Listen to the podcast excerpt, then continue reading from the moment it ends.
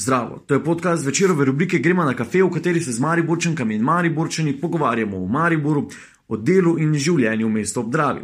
Tokrat smo na kavo povabili Damirja Batistija, direktorja podjetja Adeka za vzhodno Slovenijo in športnega zanesenjaka. Ukvarja se s kadri v podjetjih, človeškimi viri, kot temu še rečemo po slovensko. Od leta 2001 dela za Adeko, vodi regijski oddelek na agenciji za zaposlovanje. Ob tem se ukvarja s številnimi projekti, med njimi prednjačijo zgodbe povezane s športom, je del novo nastale športne agencije Proelium, ustanovil je brgovno znamko Sportisti, je športni direktor amaterske košarkarske ekipe Adeko in predsednik ŠKD Dražen Petrovič. Z Damirjem Batistjem smo se srečali v srcu tezna, kot je dejal, v lokalu Mlečni kafe. Pil je kavo z mlekom. Gospod Batisti, pozdravljeni na kafeju. Kateri lokal ste izbrali, tokrat smo malo izven mesta za spremembo in eh, to nas veseli. Mi smo dejansko smo sredi srca tezna, smo s tem trenutkom, to je lokal, ki se imenuje Mlečni kafe. V bistvu imamo lokal v tem eh, delu, jaz pravim, delu v srcu tezna, zaradi tega, ker se mi zdi, da je frekvenca ljudi tukaj največja, tu tudi prihajam. Um, in ta lokal je v bistvu eden lepših, ker je na novo renoviran, fajn je tukaj, bom rekel, ena klima, ena. Uh, mešanica zanimivih ljudi, se pravi, lokalcev, tezenčanarov vsak dan. In, uh, v bistvu se tezenske zgodbe so tukaj tisti dnevni, uh, dnevni red. In, Uh, osebno rad prisluhnem temu tukaj. Dobro se počutim, pa še dobro kavno. Okay, uh, tezenčanari, kaj to je? Moraš biti posebne pot, potni list za to, da si tezenčanar? Potni list je dobra zadeva. Pravi tezenčanari, orto tezenčanari bi rekli vsekakor. Uh, jaz pa mislim, glede na to, da sem se kasneje sem preselil, Uh, pravi, zničar dosti obuja spomine na pretekle čase, kak je bilo včasih in tako naprej. Medtem ko recimo moderni tezničani razmišljamo, pa tako vsi ostali v Mariboru razmišljamo samo o aktualnosti, o vseh teh problemih, ampak na koncu koncev pa je nek poseben, taki, ne znam spoh razložiti, poseben posebna klima. Je, tukaj, tukaj v tem lokalu, glede na to, da imamo blizu in trgovino, pošto, ostale neke inštitucije, se, se v enem določenih urah dohodne zbra, zbrani vsi iz vseh možnih uh, strojev, ustrojev uh, in poslov. In potem pač samo prisluhneš, pri mizi, pri mizi, beseda da beseda in na koncu vedno greš na smeh. Zdaj naroči si si kao z nekom kaj posebnega ali pač neki standard to? Oh, kofetar. Jaz sem kofetar. Hvala. Dejansko, hvala. Jaz sem kofetar, uh, moram reči, uh, poklicna deformacija, kava z mlekom. Ja, uh, ritual, brez tega ni mojega dneva. Kava z mlekom je mast. Moram reči, na drugi strani življenja še nisem kadil in uh, se čudim sam sebi, ne, zakaj toliko kave, čeprav novoletna zabljuba. 22 tvrdi, da bi moral zmanjšati to. Ne, nekateri imajo takšne zabave, jaz pa pač takšno. Na koncu koncev kava, brez kave ne gre. No. Sem naredil določene premike v preteklosti. Sem, uh, seveda, od, najprej sem pil turško kavo s sladkorjem, stran dali sladkor, smo se nekaj bolj zdravega naredili. Ampak je, je, vsak kraj, ki ga obiščem po svetu, v Evropi, vedno kava, tisto prvo, kar prvo. Ja. ja, in v bistvu, rekel tak, ne, od Južne Amerike, Amerike, pa recimo, ko hojiš po Evropi. Pač ti, ti okusi, vedno poskušam eh, tudi nabaviti neki lokalni lokalno vrečko kave, potem proba doma skuhati, če se le da. Gremo na, na vaše vse aktivnosti, ki ste predtem začeli snemati, rekli, da ste neki multipraktik. Ja. Soboto ena prireditev v Mariboru, mm. Hotel City, mm. um, športna agencija Mariborska, mm. katere del ste, če malo razložite vi strukturo in zakaj ja. točno gre.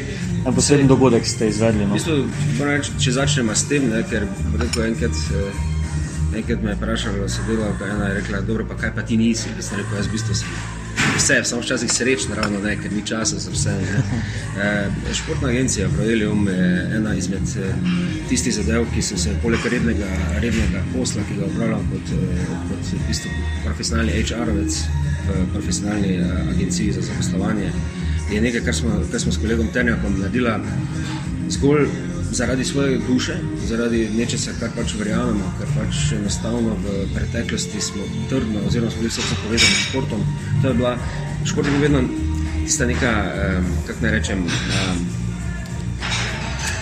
tisti, tisti trigger, ne, ko te sprosti ob vsakdanjih poslovnih obveznostih. V bistvu si se loto športa na tak ali drugačen način, ali rekreativno, ali si poskuša kaj narediti v športu, ali si poskuša narediti kakšen kakšno novo, odpreti kakšno novo temo v tem našem mestu, da bi lahko se kaj spremenilo. In v bistvu smo ugotovili z Janom, da, da to manjka. manjka. Manjka neko povezovanje med individualnimi športniki, med mladimi športniki, mladimi talenti in pa gospodarstvom kot takim, ker se mi zdi, da na obeh straneh je ogromno priložnosti. Na, na eni strani je priložnost za gospodarstvo, da prepozna potencijalni marketing v ljudeh, ki prihajajo, ne? na drugi strani pa smo tukaj uh, mladi športniki, oziroma so mladi športniki, ki pa, ki pa rabijo v bistvu neko, neko vodenje. Ne? Neko vodenje v smislu ne tega, kar oni sami počnejo v športu, ampak rabijo vodenje v smislu um, pripraviti. Mladega človeka na vse pasti, ki te vodijo v športu in v, poslo, v poslovanju, oziroma v gospodarstvu, z športom. Kar hočem povedati, je, da tako kot sem povedal tudi na prireditvi, elitni šport je danes, lahko rečemo, samo posel. In da tja pa je ogromno pasti, ker logično pa je, da v poplavi med mreži in poplavi vsega, kar danes doživljamo dnevno, so tudi mladi športniki pod tem vplivom in mi poskušamo te pasti nekako preprečiti.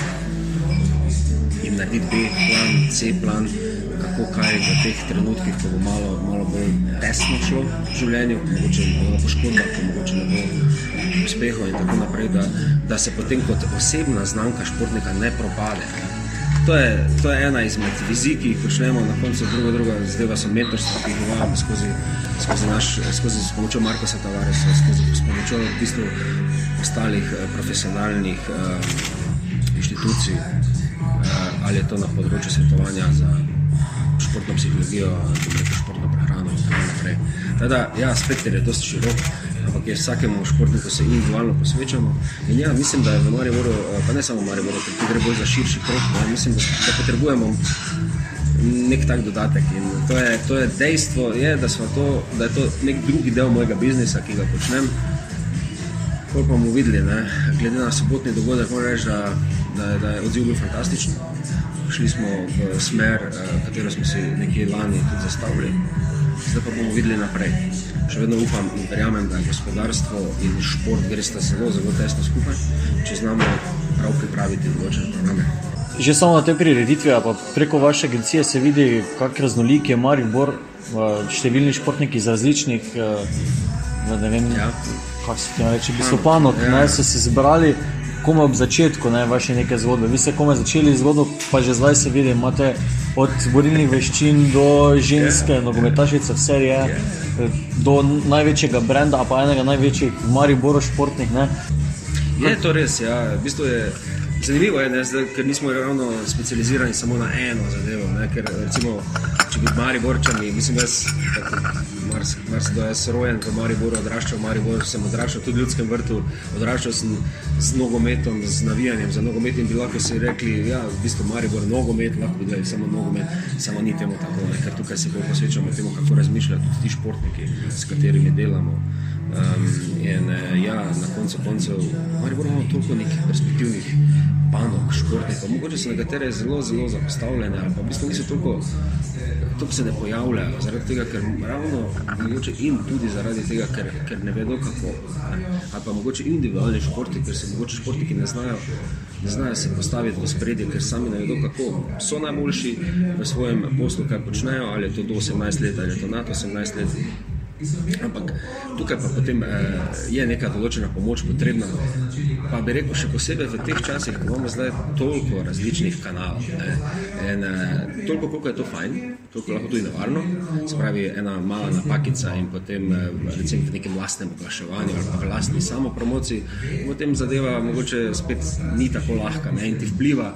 Na neko podzavest, in ko ti vpliva na podzavest, lahko vpliva tudi na tvoje treninge, in kasneje tudi na neke tvoje uspehe v športu. In uh, v Mariboru smo, smo res, jaz bom rekel, smo zelo športno mesto, samo, samo na nek način eh, se tega ne znamo iti, ne znamo prepoznati.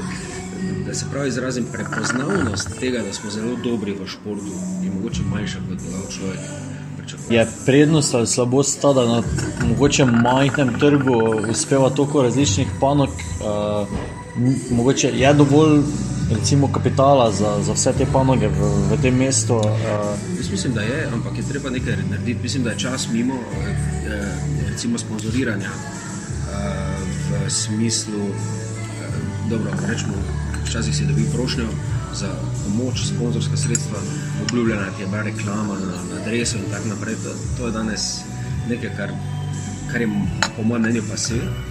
Danes je na nas, oziroma na športnikih samih, da kreirajo neke platforme in možnosti za gospodarstvo, da, da, da, da dosežejo tisto dodano vrednost. Kaj hočem povedati je, dovolj je sredstev, dovolj je idej, oziroma dovolj je nekih investicij, oziroma zna biti dovolj investicij samo, če se pravilno kreirajo določeni programi pri športnikih sami. Zakaj je nek športnik dober in dodana vrednost za neko podjetje? To je prvo vprašanje, ki se ga moramo postaviti. V bistvu skozi to napisati, pa pripraviti nek program za podjetje, da se bo samemu podjetju splačalo vlaganje v, ta, v tega športnika. Bodi si, da je to mlad športnik in ali, ali, ali že tako uveljavljen. Ampak recimo pri mladih športnikih je ravno, je ravno ta keč, ne, da, da so investicije. Ne potem se ti večkrat to povrne. Ker jaz bom rekel tako, če se uspe, se potem uspe dvojno. Ne? Tako podjetno, tako kot tudi športno. In, uh, tukaj, po mojem, smo zelo, zelo na začetku. Gledam, recimo, ameriški sistemi investicijskega sponzoriranja, kjer športniki dajo svoje platforme na razpolago podjetjem in tako naprej za, za več oglaševanja, za večjo prepoznavnost. To je nekaj, kar se tudi v Sloveniji počasi zavedamo, da so neki Instagrami in ostali profili dosti močni mediji ne, za, za določeno oglaševanje. Ne. In športniki sami tudi, samo jih je potrebno vzgajati v pravo smer. In tukaj, tukaj je potem tudi eno izmed naših nalog, da to počnemo. Na obeh straneh pomagamo tako gospodarstvu, ne, prepoznavanje teh priložnosti in pa tudi športnikom na način, kako postati del te zgodbe. Um, zdaj, zelo ste aktivni v košarki. Če smo, uh, če malo poveste, zdaj vodite ekipo uh, ja, ja, ja. amaterske ekipe, jaz... ki, ki, ni, ki niso uh, amaterji, imate je, močno to je, ekipo. to je zgodba z dolgo brado, jaz pravim temu. Uh, ti, košarka mi je v otroštvu dala veliko, zaradi tega, ker je v bistvu to bil edini plac, kamor si človek lahko šel brez nekih stroškov, zelo žogo in se družil s prijatelji. Ne. Tega danes, to sem zdaj namerno izpostavil, ker tega danes ni kaj dosti več. Ne. Danes je marsikakšno druženje zamenjala mobilna aplikacija in pač meni se zdi to ne, predvsem nedopustno ne, na nek način, ampak brez tega pač. Ne moramo. In, uh, treba upoštevati, da vzeti v zakup, da je današnja mladina živi na ta način. In uh, več nikoli ne bo kot je bilo. Ampak to pomeni, da moje sanje, ki so bile v košarki v preteklosti, so se pač na nek način zapolnili z poizkusom, na kak način bi lahko človek vodil klub. In smo ustanovili, pred deset danes je točno, mislim, danes, v tem letu, v deset let, kar smo ustanovili košarkarsko ekipo. Uh, amaterska se imenujemo, zato ker ne sodelujemo v tekmovanjih Košarkarske zveze Slovenije. Smo eh, del lige, ki ima več kot 20-letno tradicijo v, tem, v tej regiji. In eh, se mi zdi, da se imamo dobro. Poskušamo voditi ekipo, oziroma se ekipo Eh, kot organizacijska je sestavljena v bistvu na način, kot je vsaka prva ligaška. Se pravi, igralci seveda so amateri in v bistvu poskušamo na nek način druženje um, dati v spredje. Uh, kar pa je posledica vsega skupaj, je to, da, da postaneš, oziroma da je pač tudi okolje postalo pozorno na te projekte, ki smo jih delali v preteklosti. In zdaj že danes, po desetih letih, imamo neko obvezo, da ostajamo v tem, kaj smo. Moram pa po pravici povedati, pa bom rekel danes tukaj prvič tudi javno, da se pa malo spogledujem vseeno s tekmovanjem v Zvezdni ligi. Zato, ker eh, je moja velika želja, da imajo nazaj na mapo slovenske košarke. Tudi kolegi Praviko imajo enake, enake poglede, oni delajo tudi svojo zgodbo in jaz mislim, da delajo dobro, kako se zdaj kaže. Um, ampak eh, pravi, jaz, jaz imam tukaj malo drugačno vizijo, ki pa je dosti povezana tudi z infrastrukturami Mariboru bi imeli nek svoj dom, ki si ga resneto prizadevamo najti, eh, smo pripravljeni v bistvu narediti nek projekt, ki bi 5 do 6 let trajal in bi na nek način Maribor postavili nazaj za košarkarsko ekipo, izključno z, z igralci iz tega okolja. In to je moje sanje, to so moje sanje, to je, to je nekaj, kar jaz mislim, da, da lahko dosežemo. Letos ob deseti obletnici tega našega kluba bomo pa tudi organizirali finalni turnir te lige in to v Mariboru. Ne vem še lokacije, ker jih še nimam, ampak eh, bo pa nek, nek res zanimiv košarkarski dogodek, o katerem si še kdo slišal, to bo pa čez 2-3 mesece. Okay, to je Park Liga, ne? Ja. ekipa je v bistvu kakšna deko. Večletni zmagovalci lige ste. Ja, smo, zdaj, kar je naša vizija, vizija. Rekel, tako si večkrat nekje na prvem mestu, nekateri ljudje tudi ne marajo preveč. Ne? Ampak ok je to, tega, po drugi strani smo pa tisti, ki, ki opozarjamo na ligo, vse pa so kamor pridemo, poskušamo biti aktivni tudi na tem področju. Na koncu to je lahko plus tudi za vse ostale ekipe, ki jih. Zdaj ste mi že snedli, vi ste vprašali, kdaj bo Maribor imel eh, spet prvo ligaša. To je bilo dobro vprašanje tudi zadnjič na prireditvi. Jaz sem rekel tako, eh, kolegi v Braniku si verjetno to želijo in jaz si to želim enako. Ta, te zgodbe o tem, da Maribor uh, ima dva tabora ali pa dve, se pravi, dva bregova, drave, dva kluba. To je bilo včasih res. Danes pa imamo pač različne interese, predvsem pogledano na gospodarstvo in šport. In zato želim dejansko kolegom iz Branika, da jim to uspe po njihovi poti, če jim vsaka čast. Kar se pa nas tiče, pa jaz mislim, da če bomo letos pravilno zložili določene pazle in se začeli iti po zgodbo, 5 do 6 let, se mi zdi, da je tisto obdobje, v katerem lahko in skozi košarkarsko kadimo, Maribor in skozi vse ostale subjektivne ali objektivne eh, vem, dejavnike zgradimo to, kar si želimo. In to je to, ker eno se moramo priznati, da Mari Bori ima košarkarsko tradicijo, ljudje tukaj radi spremljamo košarko, radi gledamo košarko, ne glede na to, če zdaj v dvorani tam vse kaj dogaja ali pa v dvorani Lukna vse kaj dogaja. Tukaj smo beremo košarki, radi debatiramo o košarki, uh, smo tudi eh, dosti veliki kritiki košarkarski, da Mari Bori tako da, ne vem, mislim, da je to ena zadeva, ki bo ki nujna, da uredimo enkrat vse naprej. Še en projekt je, ki teče eh, zdaj eh, tudi v povezavi z občino in uh, večerom. Uh, Kako dobro poznate Gorana Dragiča? Goran je fenomenalen človek, uh, on in njegova ekipa imajo v bistvu uh, glavo, srce, vse ostalo res na pravem mestu. In, uh, fundacija Gorana Dragiča, ki je ustanovljena, je ustanovljena zato, da se pomaga uh, otrokom, ki morda danes nimajo toliko sredstev, ali pri nakupu športnih copat, ali pri nakupu morda nekaterih rekvizitov in tako naprej. Tudi skozi košarkarski kem Gorana Dragiča, ne, ki se vsako leto dogaja na rogli, se potem uh, te. Se poiščejo neke določene zgodbe, se naredijo rekel, neki določeni um, prostovoljni projekti. Goran je tukaj prvi med, med vsemi. Se pravi, kar hočem povedati, da prvi, prvi se pogovarja z otroci, prvi je ja, na treningu, prvi je v bistvu ves teden z otroki. Ni tu, ni tu heca. Gogi je v bistvu profesionalec petega glave z izredno velikimi družinskimi predokami. Zaradi tega jaz mislim, da je to nekaj, kar moramo mi vsi skupaj prenesti malo v okolje. Eh, in izredno sem vesel, da je on tudi sam prepoznal eno, eno, eno zgodbo, Mariboru, da lahko to poskušamo obnoviti eno igrišče. Ker tukaj ne gre samo za obnavljanje zunanjega igrišča, ampak gre predvsem za to zgodbo, ki sem zdaj povedal. Se pravi, upozoriti mogoče na to, da, da otroci potrebujejo nekaj več, da skozi igrišče lahko eh, postavljamo določene dogodke zunaj pod milim nebom, um, pa mogoče res najdemo skozi fundacijo tudi tiste otroke, ki so, ki so potrebni te pomoči, o kateri sem govoril. Um, tako da širši projekt ni samo tisto na prvo žogo, zdaj bomo imeli igrišče. Gre se za to, da, je, da bo tudi Goran prisoten na otvoritvi tega igrišča. Sam veliko več povedal, sam vseh stvari zagotovo ne morem še povedati, kako bodo potekale. Ampak ja, um, od mesta občine Maribor je tudi tukaj, um, kar sem izredno vesel, um, prišla nasproti. Mislim, na nek način je našla tudi neki interes, zato ker na koncu koncev ni to samo štajerska zgodba ali pa slovenska. Vsi poznamo zgodbe, pridi nekdo, ki bo nekaj prišel narediti, dal denar, tisti je vedno dobrodošel. Ampak tukaj, tukaj je vseeno malo drugače. Tukaj je en del tega, kar bo fundacija Gorana Dragiča naredila, en del pa tega, kar mora Mariborska občina prevzeti neko odgovornost, predvsem za skrb igrišča, varnost igrišča, kasneje in tako naprej. In, Mislim, da letos poletje bomo doživeli lepo zgodbo. Ja, pred poletjem pa še en obisk eh, v Miami. to, to je ena zgodba, ki je občina Maribor mislim, zelo zanimivo zastavila.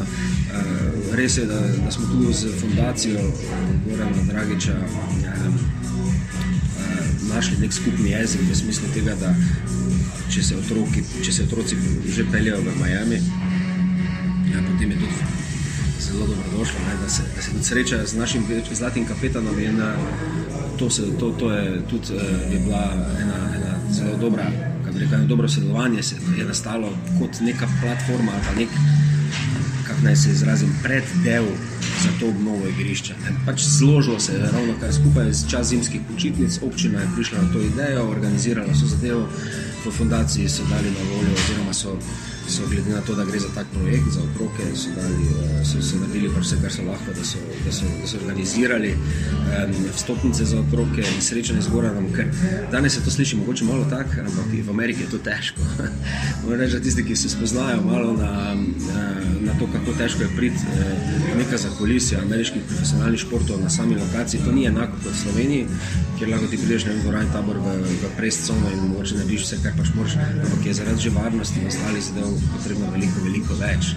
In tukaj moram reči, da je spet uh, Goran igral glavno vlogo. In, um, ja, mislim, to je tisto, kar jaz pravim, da človek z družinskimi vrednotami je, je v spredju, ne pa, ne pa nek košarkar uh, profesionalni. Ne? In to je tisto, kar jaz cenim, ne vem, da marsikdo Slovenije. Eno zadevo smo še opazili na internetu, sportisti, če malo razložite, zakaj to točno gre. To je, to je ena taka zanimiva zadeva. Ne? Jaz sem uh, preden sva z Janom eh, šla v skupno zgodbo pro Ilium, pa ne samo preden, ampak sočasno, sem razmišljal o svojem športnem brendu, ki pa v tem trenutku točno ne vem, eh, ko govorim o brendu, kaj, kaj mislim s tem. Pravi, ampak druga je treba narediti, zato da bo tu nekje čakal v predalo, ker bo recimo sam Proelium oziroma sama športna agencija bo šla v levo, desno, gor, dol, v neko več, več smeri bomo šli, ne? povezanih s poslom in športom. In ena izmed teh vej bo tudi sportisti, ali bo tukaj šlo za za, sicer zdaj se ne bi smel mogoče malo preveč razkriti, ampak mogoče bo šlo tudi za, za neke medijske vsebine, ki bodo ali skozi bloganje ali skozi celo pripravljene oddaje ali kaj takega. Um, bomo videli. Se pravi, obstaja ta moj personal brand, ne, skozi katerega bomo, bomo nagovarjali ljudi, pa bomo povedali, kam bo to šlo. Ne. Več pa ne morem povedati. Okay, okay. Te bomo še k, k drugi smeri posla, Adeko, ne, agencija. Ja. Um, Preden gremo k zaposlovanju in vsemu temu, kakšna je bila vaša vloga v Mariboru, mestu, ki je šel skozi krizo, um, skozi tranzicijo. Uh, in tranzicijo, in ja, več, več teh obdobij je bilo v zadnjih 20, 25, 30 ja. letih. Zdaj, v bistvu moja zgodba je, to je, to je tisti number one love, ne, ko pravimo temu, da smo da sem nekje v konec, eh, da je že to bilo, moram se zdaj spomniti točno, ne vem, leto, tam po, po letu 2000 sem, sem razmišljal o tem, eh, bil sem mlad, zagnan, eh, človek, ki je res zagnan, ki je, ki je v bistvu razmišljal o tem, kaj lahko Mariboru nekako bolje narediš. Ne.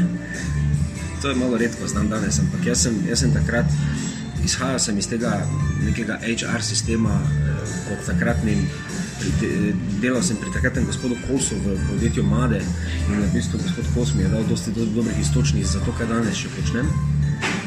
In sicer uh, biti nek profesionalni HR-ovec. Ampak kaj za to pomeni? Ne? To pomeni, da dejansko iščeš možnosti eh, v gospodarstvu za odpiranje delovnih mest in na drugi strani možnosti za, za, za zaposlovanje ljudi. To je bilo v tujini nekaj vsakdanjega. Pri nas pa tega še ni bilo. In mi smo dejansko takrat z Adekom odprli poslovno enoto v Mariboru leta 2001 in smo rekli, nič, zdaj pa da vidimo, kakšna je situacija. In 2001 ni isto kot danes. E, takrat smo še imeli tolare, nismo še bili člani Evropske unije in na bistvu smo imeli vsekakor iste probleme, delodajalce na eni strani s kadrom, delavci na drugi strani s delodajalci. Mi smo se postavili tukaj na sredino in začeli naš posel. Danes smo dejansko največje podjetje na tem delu Slovenije, ki se ukvarja s to storitvijo. Um, imamo tradicijo, se pravi, letos v Sloveniji praznujemo 20 let um, delovanja.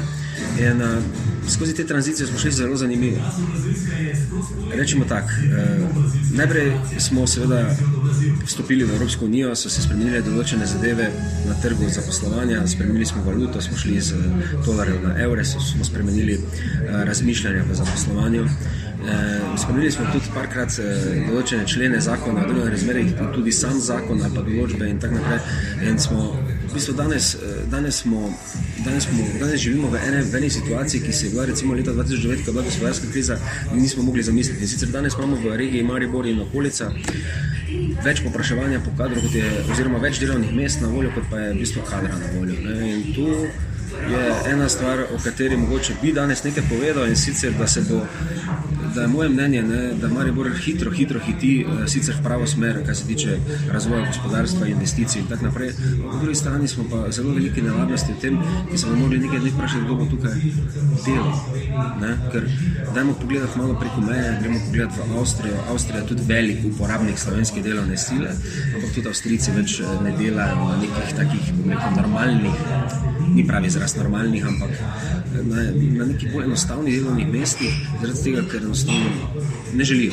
Ker si iščejo vedno boljše zadeve, za vse ostale so slovenci in ostali, ki prihajajo gor. In tudi ti slovenci, ki jih je, po mojem mnenju, verjetno nekje okrog 15 tisoč, ki jih dela dnevno v Avstriji. Mogoče se zmotil, ne vem, če bi citiral to številko, ampak tak je bil nek podatek iz leta 2019. Um, pa tudi dela na boljših delovnih mestih, kot jih lahko imajo tukaj. Pa čeprav bolje plačanih, ne, ne, ne bolje organiziranih. Ne. Zdaj, kaj, kaj imamo situacijo? Situacijo imamo, da smo mi v recimo Mariboru v enem takem trikotniku, se pravi, avstrijska meja je blizu, hrvaška meja je blizu, se pravi, Hrvati bojo za tranzicijo do dela v Avstriji verjetno v prihodnosti uporabljali ravno te poti. Zdaj, da bo se tu ustavilo na delo, pa jaz malo, malo verjamem. Torej, kam hitimo? Dejstvo je, da delovna mesta bodo treba, bo treba zapolnjevati tudi v prihodnosti in jaz se bojim, oziroma trdno verjamem celo, da se bo v Mariboru število prebivalstva nekje v naslednjih šestih, sedmih letih povečalo, vse za pet tisoč. In to zakaj? Zaradi tega, ker se bodo ljudje in tudi danes že to dogaja, začeli priseljevati se in začeti opravljati dela, ki jih pač enostavno več ni možno zapolniti, da delovne mesta ni več možno zapolniti z, z, z ljudmi iz okolja. Tukaj že večina. Ja, in to, to, to je ena stvar, kjer, kjer, kjer um, moramo vse, kar moramo narediti, enostavno moramo biti pripravljeni na to. Ker takrat, ko se bo to začelo dogajati, bo veliko ljudi verjetno se sprašvalo, zakaj to mora tako biti. Ja, mora biti. Ne? Enostavno danes gledamo uh, avstrijske lidle, hofere, ne vem, če spoh izpostavim ta, ta podjetja, ampak dost nekih teh trgovinskih, pa pekarne, recimo McDonald's, karkoli. To ogromno slovencev dela v teh, v teh uh, inštitucijah. Uh, tukaj bo pa verjetno obratno. Ne? Se pravi, tukaj bo nekdo moral to upravljati, če ne bodo firme imele problem. Kje bodo ti, bodo ti ljudje prišli, uh, ali bo to ali bodo to države bivše, bivše skupne države Jugoslavije, ali bodo to ne vem, kot drugot, ampak dejstvo je, da bomo morali biti strpni pri tem uh, in enostavno se sprijazniti, da to bo tako. Ker uh, na koncu konca ti premiki v Evropi niso nič posebnega. Samo zdi se mi včasih, ne, da pa Slovenija, pa recimo mi, ko smo navezani na svoj domači kraj, gledamo vse malo tako malo previdno. Malo, malo malo nas strah, kdo pride zdaj sem živeti, kakšen je, kakšne ima delovne navade, kakšne ima kulturne navade. In tukaj, tukaj bo zanimivo, v naslednjih petih letih bo se bo to zgodilo. Ampak po drugi strani pa imamo toliko Pa čeprav mogoče javnost tega ne vidi, dobro, imamo zelo dobro gospodarsko, mislim, strujo v Mariboru, se pravi tudi sposobne ljudi na mobilnih delovnih mestih.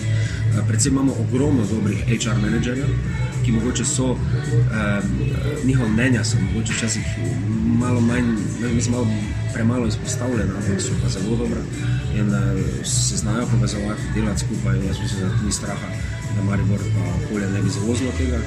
Na koncu koncev. Uh, poti nazaj ne bo. Ne.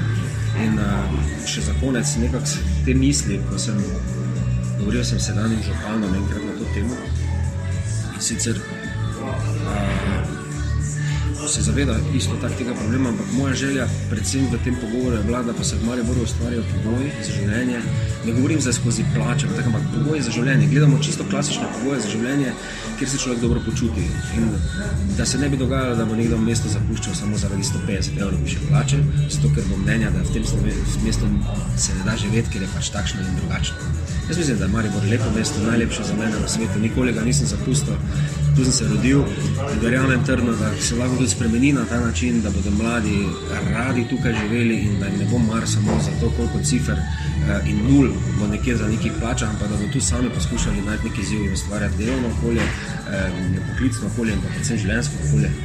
Ne, in uh, tudi sem vesel, ne, da, da smo se na, tem, na tej točki z županom se zelo strinjali, ker, ker ja, drugače ne bo šlo. Zdaj, nas ne zanima, verjetno tudi vas ne, Maribor 1990, ampak Maribor 2030. Ne.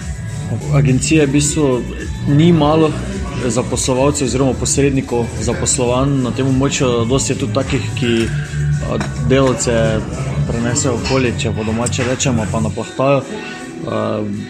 kako vidite vi kot nek posrednik to vašo vlogo? V bistvu, Ja, zdaj, to je, se, se, to je dosti dobro vprašanje. Moram reči, da recimo, so danes razmere relativno ok. Je pa res, da če se malo obrnem nazaj, deset let nazaj, pa tako naprej, je tudi vsak s svojim poslom na tem področju iskal neki svoj prostor pod soncem in eh, so zato uporabljali različne načine. Ne? Eh, če se temu lahko tako izrazim. Eh, jaz mislim, da verjamem v sistem, verjamem, da tega danes ni več. Jaz verjamem, da vsa ta konkurenca, ki dela enake stvari kot dela Adeko, je dobra. E, zaradi tega, ker ko so oni dobri, smo lahko mi dobri, ko smo vsi skupaj dobri, lahko naredimo izredno dober trg delovne sile, izredno kvaliteten trg delovne sile z izredno dobro ponudbo na trgu delovne sile. Na ta način lahko pridobimo samo zaupanje podjetij, da lahko podjetja dejansko. E, mislim, podjetje mora biti tista sigurnost, na koga se obrnejo kot poslovnega partnera. In če tu gre za, za kadre in za iskanje kadra, se mi zdi, da je to zelo pomembno, na kak način mi nastopamo. In tega danes moram reči, ali pa si ne nočem priznati, da še sploh obstaja, ker na koncu um, v, v okviru gospodarstva, v katerem jaz delujem, pravzaprav skoraj da ne poznam več podjetij, ki bi delovala z, ali pa sodelovala z podjetji tega tipa, kar ste zdaj omenili. Uh, za vse, kar obstajajo tudi ti primeri, ampak jih je bistveno, bistveno, bistveno manj, kot jih je bilo recimo vem, deset let nazaj. Um, če se spomnimo, 2009 je bila prva taka gospodarska kriza, ko je res zašejkala ves uh, svet dela, oziroma v bistvu zaposlovalci Slovenije isto. Začela se v Ameriki z zlomom, se pravi, za nepremičnine in banke in tako naprej. In takrat je vrednost denarja in vsega ostalega padla, tudi rezervacije in vse ostale zadeve so bile, so bile zelo pomembne. In takrat je ogromno takih podjetij, kaj, so, kaj ste omenili, nekako propadlo. Zato, ker niso imeli B ali C plana. In jaz mislim, da je to dovolj velika šola, da se potem več nikoli ni tako, tako nadaljevalo. Ostali so tisti, ki so danes na trgu dali neko dodano vrednost. Agencije za zaposlovanje je nekaj zelo dobrih, z zelo sposobnimi ljudmi. In, uh, jaz mislim, da je to dobro samo za gospodarstvo. Mislim, logično je, da se gledamo včasih kot konkurente, ker iščemo vsak svoj posel, po drugi strani smo pa, smo pa korektni, zaradi tega, ker naš, mi se ukvarjamo z ljudmi, ljudje nam morajo zaupati. Zagotovo se najdejo tudi takšni, ki nam ne, ampak to je vse posebno tako. Poskušamo biti eh, na trgu tisti, ki poskušamo prepoznati vedno za pravega človeka, pravo delovno mesto in za pravo podjetje pravega človeka. Uh, Čisto na kratko, en trend ste že napovedali, torej verjetno novi delavci na območju Maribora. Um, to je čisto na kratko vprašanje, ali se bo prej zgodilo, da se bodo delavci iz Avstrije vrnili v Slovenijo, če bi se tu izboljšali pogoji, pa celi sistem, ali se bo prej zgodilo, da bo, torej, kot ste napovedali, več tisoč ljudi prišlo v Maribor iskati novo priložnost. Kaj vi eh, mislite? Ja, zdaj, če ste že napovedali, ne, ampak ne vem, če bi se tu pogoji izboljšali, bi ljudje iz Avstrije prišli v Slovenijo nazaj. Jaz bi rekel tako. Um, geografska lega Avstrije ne, Ja. ja. zelo, zelo gre na roko tistim ljudem, ki iščejo priložnosti tam. Ker namreč v eni uri ne, si ti lahko spelješ tudi 100 km daleč na, na svojo službo in to res že skoraj v srce Avstrije, če smo že pri tem. Ne. Mm. Uh, in kaj zdaj narediti, uh, pa razmišljati. Mm, Moraš biti malo predrzen, da, da odgovoriš na to vprašanje direktno. Ampak jaz mislim, da se ne bodo pogoji nikoli v Sloveniji več spremenili na to temo, da bodo boljši od avstrijskih. Naša naloga pa je, da poskušamo približati klimo, način razmišljanja in tako naprej, zato ker drugače se bo dogajalo non-stop to, kar se je dogajalo predvsem leta 2017 in tudi eh, 2018 in del 2019 in sicer ti masovni odhodi v tujino, se pravi v Avstrijo. In To iz področja Prekmurja, področja Štajerske, tam se do celja, to je ogromno ljudi odhajalo. Mnogi so se pa vračali, zdaj smo pri drugem delu. Ne? Seveda so se vračali, zaradi tega, ker tam je zakon drugačen, pogoji so drugačni. Um, ni, ni vse med ne? Tam in uh, biti zdaj nek prerok, kaj se bo zgodilo. Jaz mislim, prej se bo zgodilo to, da se bo, da bo potrebno, da se bodo pojavili novi prebivalci, ki bodo probali zadeve, zadeve eh, furati na ta način, kot sem malo prej povedal. Uh, seveda se bodo vračali, ljudje, zato ker bodimo realni, na nek način, na dolgi rok se ti ne moreš voziti vsak dan, ampak tako naprej. Ampak skozi to neko tranzicijo se verjetno vrnil v kraj in boš poiskal neko, neko delo za morda malo slabše plačilo.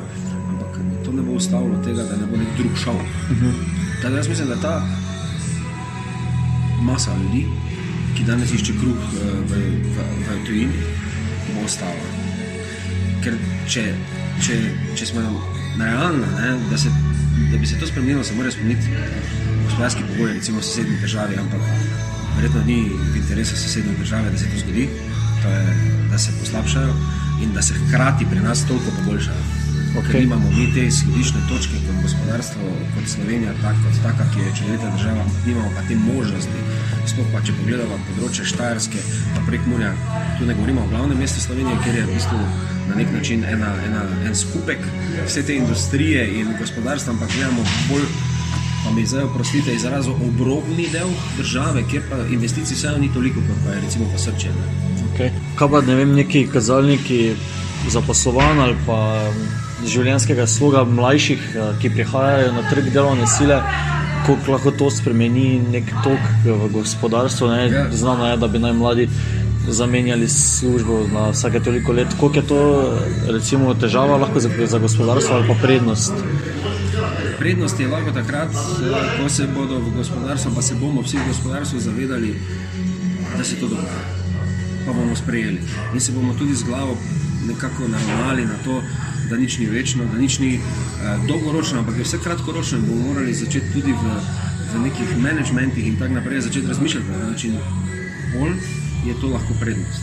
Če bomo pa, ker ste prav ugotovili, ne, mladi. Jaz sem rekel, zdaj malo v hitrosti, zdaj bom govoril, mladi danes tudi avto več ne bojo potrebovali, zato ker bojo razmišljali samo še o prevozih od točke A na točko B, čim je treje in tako naprej. Mogoče, ne vem, tujini ZDA ali pa tako, če gledamo večja mesta, ne vem, kaj bo avto, ampak tam so druge, druge kvalitete, ne, eh, paraš hour in to, in v bistvu paraš hour pomeni, v mojem, mojem žargonu pomeni tudi to, ne, da ko iz točke A na B hitiš na delovno mesto, pa zamenjuješ poklicno pot, um, ti je vseeno, v bistvu, na kak način to narediš, ker ko si mladci navajen. Mi danes gledamo generacijo, ki je vzgojena, oziroma se sama vzgaja z aplikacijami, z poplavo informacij, ki jih dobiva dnevno. In, um, To niso samo starši, to je, to je vse, to je kombinacija vsega. In v bistvu so navajeni, ne? dejansko so navajeni že danes govoriti tekoče jezik, zato ker je v bistvu to, no, meni se zdi to zelo fascinantno. Mladi danes govorijo dva tuja jezika, skoraj v bistvu, 80%, ali jih razumejo, pa tudi tekoče govori. In to je ena prednost, ki jo imamo, druga stvar pa. Nič hudega, če nekaj čez eno leto ne bo šlo, se bom nekaj drugega našel. Ali pa nič hudega, ni več čistih tradicionalnih zadev, kot, kot recimo včasih, ko so ljudje vodili 20 do 25 let v neko službo, v isto firmo vedeli so, po kateri poti grejo, vedeli so, po kateri poti grejo nazaj, uh, kam grejo na kavo po službi, v katere, v katere počitniške hišice, poleti in tako naprej. Tega pač enostavno ni. Se torej ta generacija bolj zaveda tega, da so zamenljivi in so manj navezani ne, na neke osnovne stvari. Sami kreirajo, to moramo se priznati. Mislim, da mladi bodo danes ali pa bodo jutri sami kreirali to obnašanje in tako naprej. Jaz, če, samo ta tranzicija me malo skrbi, ne? ker rekel, da tisti, ki bomo v, v kadrovanju, v nekem profesionalnem kadrovanju, znali prav prikazati to trenutno situacijo, bomo pomagali tako gospodarstvu, kot ljudem, ki iščejo službe. Mi se moramo, naša naloga, da se postaviti nekam tu v sredino, pa razmišljati uh, dualno. Ker valjda je tako, da tudi v samem gospodarstvu, pa recimo na trgih, vedno je konkurenca. Za kogarkoli v tej državi, za katerokoli podjetje, vse bo zelo malo konkurence. Vsi bodo morali razmišljati o večji fleksibilnosti, o načinu razmišljanja ne pozabiti na to, kar smo se mi zapovedali. Sicer, da se pa lahko zgodi, da dolgoročnost, a pa dolgoročno obstoj kadra, ki pa je zelo pomemben za delovanje podjetja, več ni nekaj, kar je bilo mogoče 20 let nazaj enako. Ne? Zato bo ta fleksibilnost, pa to razmišljanje, a ti preklopi bodo izredno pomembni. In tisti, ki bo to naredil, tisti, po mojem, bo zelo dobro uspel, zaradi tega, ker bo znal zadovoljiti in ljudi, ki iščejo službe, in ljudi, ki so v službi, dal jim bo tisto dodano vrednost, ki jo bodo iskali, pa če so to mladi. In bo, in bo moral nekako kot delodajalec, seveda, omogočiti, da, da se bo na ta nivo tudi spustil. In takrat pa jaz lahko zagotovo trdim, da tudi mladi več ne bodo odhajali stran, ker bodo tukaj dobili vso to dinamiko, ne, ki jo iščejo.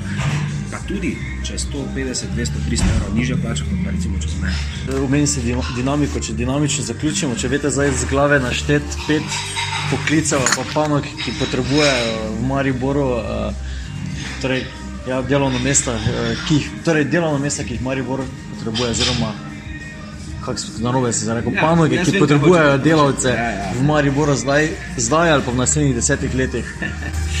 Maribor je um, ogromno podjetij, ne, vem, ki, ki dela tudi trojizmenska dela. Zdaj, če grem iz poklicev, kot so recimo um, strojniki, da ne rečeš strojnih poklicev. V proizvodnji se za dobrega strojnika, ali je to mehatronika, ali je to CNC operater in tako naprej, vedno, ampak govorim, vedno najde delodajalca. To je stvar in te, to se ne bo spremenilo. Če gremo v smeri IT-ja in v bistvu nekih naprednih tehnoloških rešitev, lahko smo prepričani, da vsa podjetja vlagajo v nove softvere, nove programe, ali to vem, obračuni plač, karkoli. In V bistvu vsak, ki, je, ki si danes da na nek level tega znanja, je izredno dobrodošel v marsikaterem podjetju. In to so, to so, delo, to so poklici, ki nikoli eh, ne bodo rekli, ok, zdaj pa jih ni več. Ne, Maribor je en izmed tistih, eno izmed tistih mest, ki, ki tudi to rabi. Pa, kar je pa najbolj pomembno, ne, dela v proizvodnji, delavci v proizvodnji se tudi danes zavedajo, da imajo veliko možnosti, ne pa deset let nazaj, ko pač mogoče ni bilo temu tako. In tudi ti iščejo zmeraj krožijo in zmeraj nove boljše priložnosti. Moj generalni odgovor je, Maribor bo vedno potreboval delavce v proizvodnji, moj generalni odgovor je, Maribor bo vedno potreboval a, dobre a, strojne rešitve, trgovce, se pravi ljudi, ki bodo delali v, v, v, v, v, prodaji. Zdaj pa, če gremo mogoče malo režijo, komercijala, finance.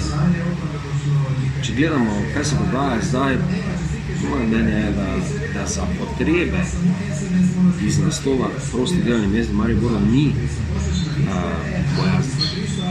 Bojazni je, kdo bo te potrebe zapolnil. Uh, S tem se ne bomo mi zdaj trenutno obremenjevali. Ne? Mislim, deloma bo to vaša naloga v prihodnje. Ne? Tako razmišljam, ne, je to ful težko, ne, ker zdaj, zdaj že delam dejansko 19 let to, to stvar in um, sem ugotovil lani, ne predlani sem ravno ugotavljal, da je da še tak, take situacije na trgu tudi ni bilo. Ne. Vedno smo razmišljali o tem, eh, kje eh, poiskati, mislim, kakšne možnosti narediti ljudem, zato da bodo dobili pravi, kako pomagati, kje poiskati. Zdaj, leta 2018 pa smo se prvič soočili z blazno, z blazno veliko potrebo podjetij po, po, po delovni sili in uh, nismo vedeli, kako pomagati.